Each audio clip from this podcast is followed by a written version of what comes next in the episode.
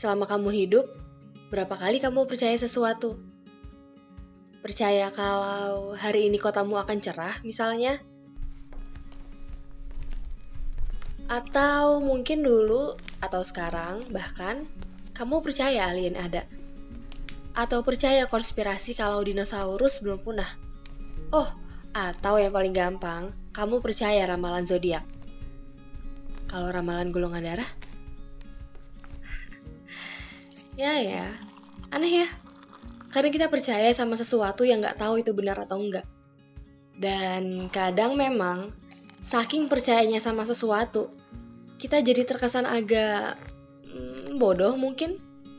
Padahal kita tahu jelas itu salah dan gak pantas dipercaya. aku jadi ingat kalau dulu aku pernah bodoh. Bodoh banget. Dan kebodohan itu terjadi karena aku percaya seseorang. Ya, aku tahu manusia berubah. Dan percaya sama manusia itu mungkin akan jadi hal yang paling sia-sia. Tapi orang itu karena dulu dia aku anggap dunia aku, aku sama sekali gak pernah mikir kalau dia akan sebegitu berubahnya. Dia pernah jadi orang yang bikin aku bersyukur karena aku pikir aku bisa percaya dia sekaligus orang yang bikin aku merasa bodoh karena pernah percaya dia.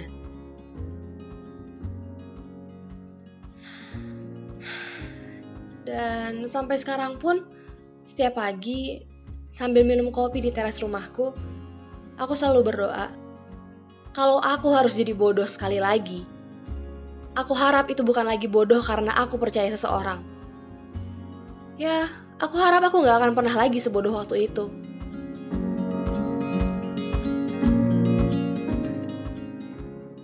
Tahu, tahu banget gimana teman-temanku bilang kalau Arka itu bukan cowok yang baik. Dari awal, mereka nggak pernah berhenti wanti-wanti aku kalau Arka punya hobi pamer, suka semaunya sendiri, dan yang seharusnya aku garis bawahi, dia pernah selingkuh dari pacarnya yang dulu. ya, aku juga tahu. Harusnya aku benci dia dari awal. Tapi, aku nggak tahu kenapa Semakin mereka bicara buruk soal Arka, semakin juga aku bisa ngelihat kalau dia orang baik.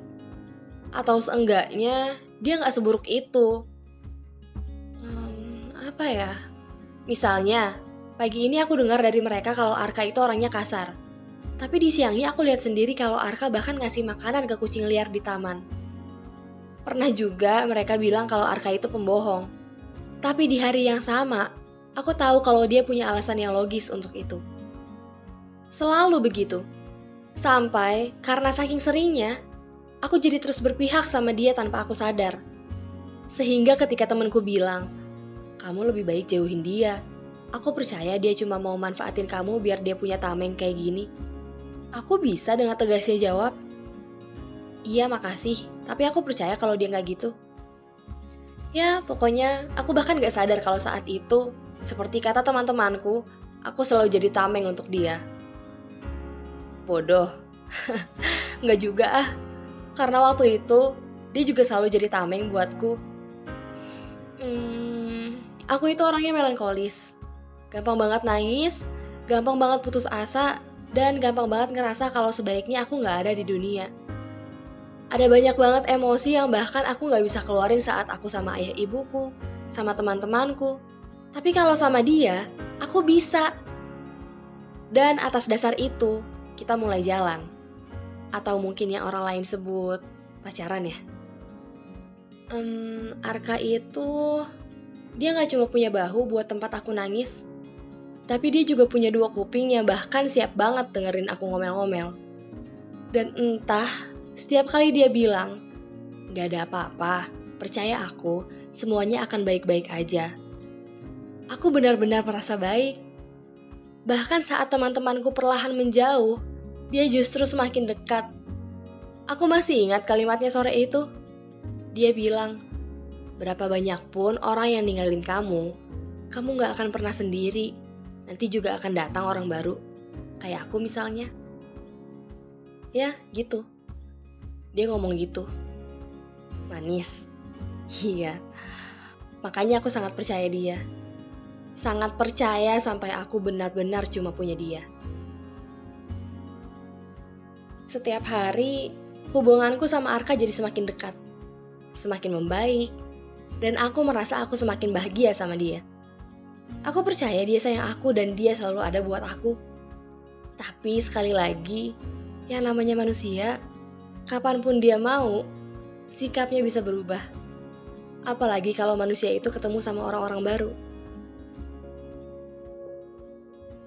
Saat pertama kali aku sadar dia berubah, aku sama sekali gak bisa sadar apa yang berubah dari dia. Kami masih sering ketawa sama-sama, masih sering cerita sama-sama, masih sering saling kirim foto, apalagi sejak kita LDR karena aku kuliah di Bandung sedangkan dia stay di Jakarta. Jadi kupikir, aku mungkin ngerasa dia berubah karena saat itu pelan-pelan dia mulai punya banyak teman dan aku merasa tertinggal. Dan entah gimana ceritanya, kita jadi mulai mengekang satu sama lain. Dia bahkan larang aku buat hangout bareng teman-teman cowokku di kampus. Aneh kan? Tapi karena itu, aku jadi semakin posesif. Meskipun aku bilang aku percaya dia, tapi aku gak bisa bohong kalau rasa curiga itu muncul secara alami perlahan jadi ada banyak hal yang gak aku tahu tentang dia.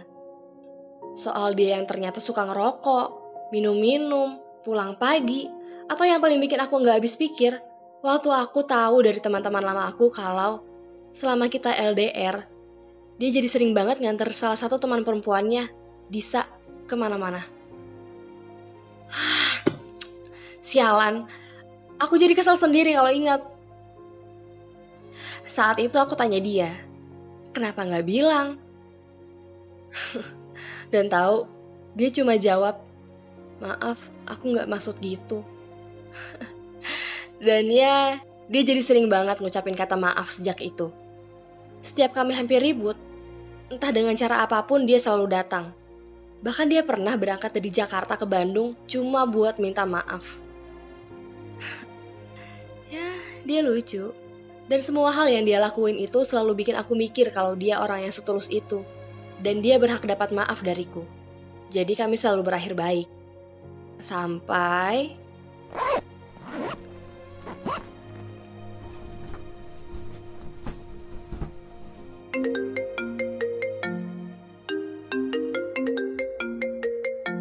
Aku dapat telepon dari teman lamaku di malam sebelum aku pulang ke Jakarta sebentar. Cuma sekedar untuk kunjungan kampus. Orang di telepon bilang, putusin Arka ya, dia ada main sama Disa. Dan aku gak percaya sama sekali. Arka gak mungkin lakuin itu. Tahu kan seberapa aku percaya sama dia? Ya, teleponnya putus begitu aja. Aku bingung. Jujur, itu benar-benar ganggu pikiranku. Apa aku perlu tanya Arka soal itu? Apa aku perlu cari tahu soal itu? Apa aku harus pastiin sama teman-teman barunya? Apa aku harus apa? Disa, Disa siapa? Yang waktu itu sering diantar dia ke mana-mana. Semua pertanyaan itu bahkan gak bisa aku jawab sampai aku tidur malam itu dengan perasaan gak tenang. Dan tanpa pernah aku tahu, kalau besok siang, di perjalananku menuju Jakarta, ada satu pesan masuk ke WhatsAppku. Arka, itu dari Arka. Isinya singkat, cuma ada dua kata di sana. Kita putus katanya. Aneh, tapi tapi kenapa? Kenapa tiba-tiba? Apa benar yang temanku bilang kemarin? Apa aku kurang sabar? Apa dia bosan karena aku terlalu posesif? Apa? Apa? Saat itu aku gak bisa bicara apa pun. Bahkan semua pertanyaan tadi pun, aku gak punya kekuatan untuk sekedar typing dan nanya ke dia, kenapa? Mau tahu? Waktu itu aku cuma bisa balas, oke. Okay. aku gak bisa ngetik kalimat lain. Setelah itu aku cuma bisa matiin handphoneku, berusaha kuat untuk gak nangis, tapi hasilnya nihil. Hari itu, bodo amat orang lain. Aku cuma peduli sama perasaanku sendiri. Aku cuma peduli sama diriku sendiri. Harusnya dari awal aku begini.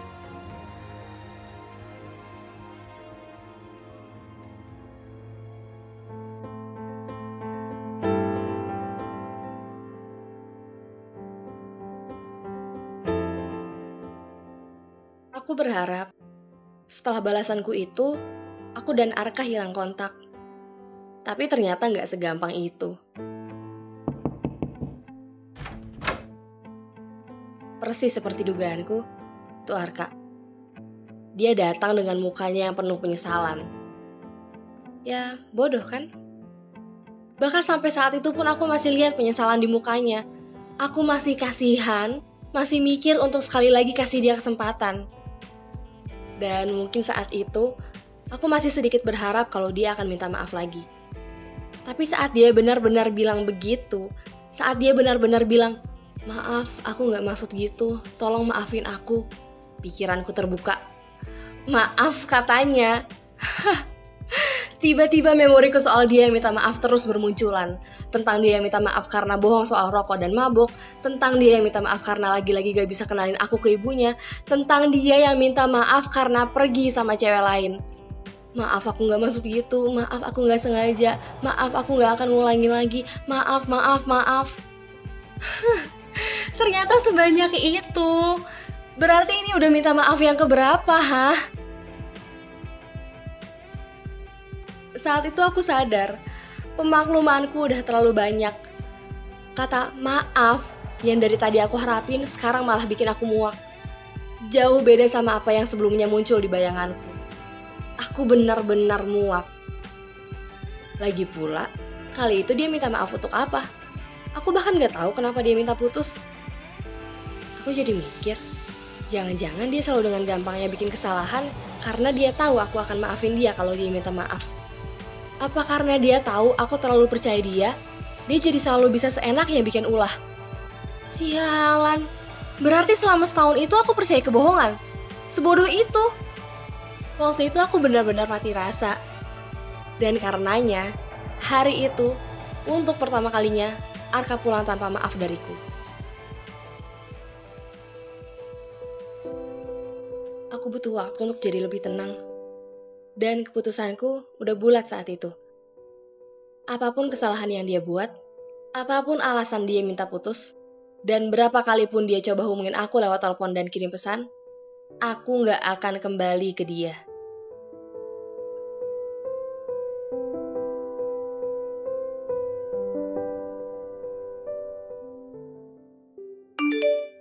Oh iya, waktu itu ada pesan masuk Seingatku, pesan itu baru aku terima sekitar dua minggu setelah Arka akhirnya benar-benar berhenti menghubungi aku. Isinya, oke, aku bacain. Aku masih simpan sampai sekarang. Sebentar. Ah, ini. Halo, ini Indira. Ingat aku kan? Yang pernah kasih tahu kamu soal Arka dan Disa. Aku nggak tahu gimana hubungan kamu sama Arka, tapi aku harap kalian gak baik-baik aja. Hubunganku juga lagi gak baik sama pacarku yang temannya Arka itu. Jadi aku pakai kesempatan ini buat ngabarin kamu sekali lagi, Arka bukan cowok baik-baik. Dia nggak cuma sama kamu, nggak cuma sama Disa. Dia juga beberapa kali jalan sama Tata. Dia bahkan pernah pergi keluar kota bareng Ara. Aku serius bilang gini karena aku peduli. Karena meskipun kita menjauh, aku masih mikir kamu temanku. Dari dulu, waktu kamu belum jadian sama Arka, aku selalu bilang ini, dan mungkin ini bakal jadi yang terakhir kalinya aku bilang ke kamu. Tapi please, jangan percaya Arka. Jangan percaya pembohong. Tapi kalau setelah ini kamu masih gak percaya juga, aku juga gak mau peduli lagi. Waktu baca pesannya, aku jadi kesal sendiri. Itu yang Indira tahu, dan ada kebohongan lain yang aku udah tahu. Jadi masih ada beberapa kebohongan lagi yang masih belum aku tahu. Tapi aku udah gak peduli sama sekali waktu itu. Jadi aku cuma ketawa sambil bilang makasih ke Indira. udah ah cerita suramnya. Sekarang ini aku lagi bahagia-bahagianya. Jauh dari Arka dan orang dari masa laluku. Tapi biar bagaimanapun, aku harusnya berterima kasih ke Arka. Karena kalau gak ada dia, aku mungkin akan selamanya sepercaya itu sama manusia. Dan mungkin juga kalau Arka gak pernah ninggalin aku, aku yang tadinya melankolis ini gak akan pernah bisa belajar untuk jadi lebih kuat lagi.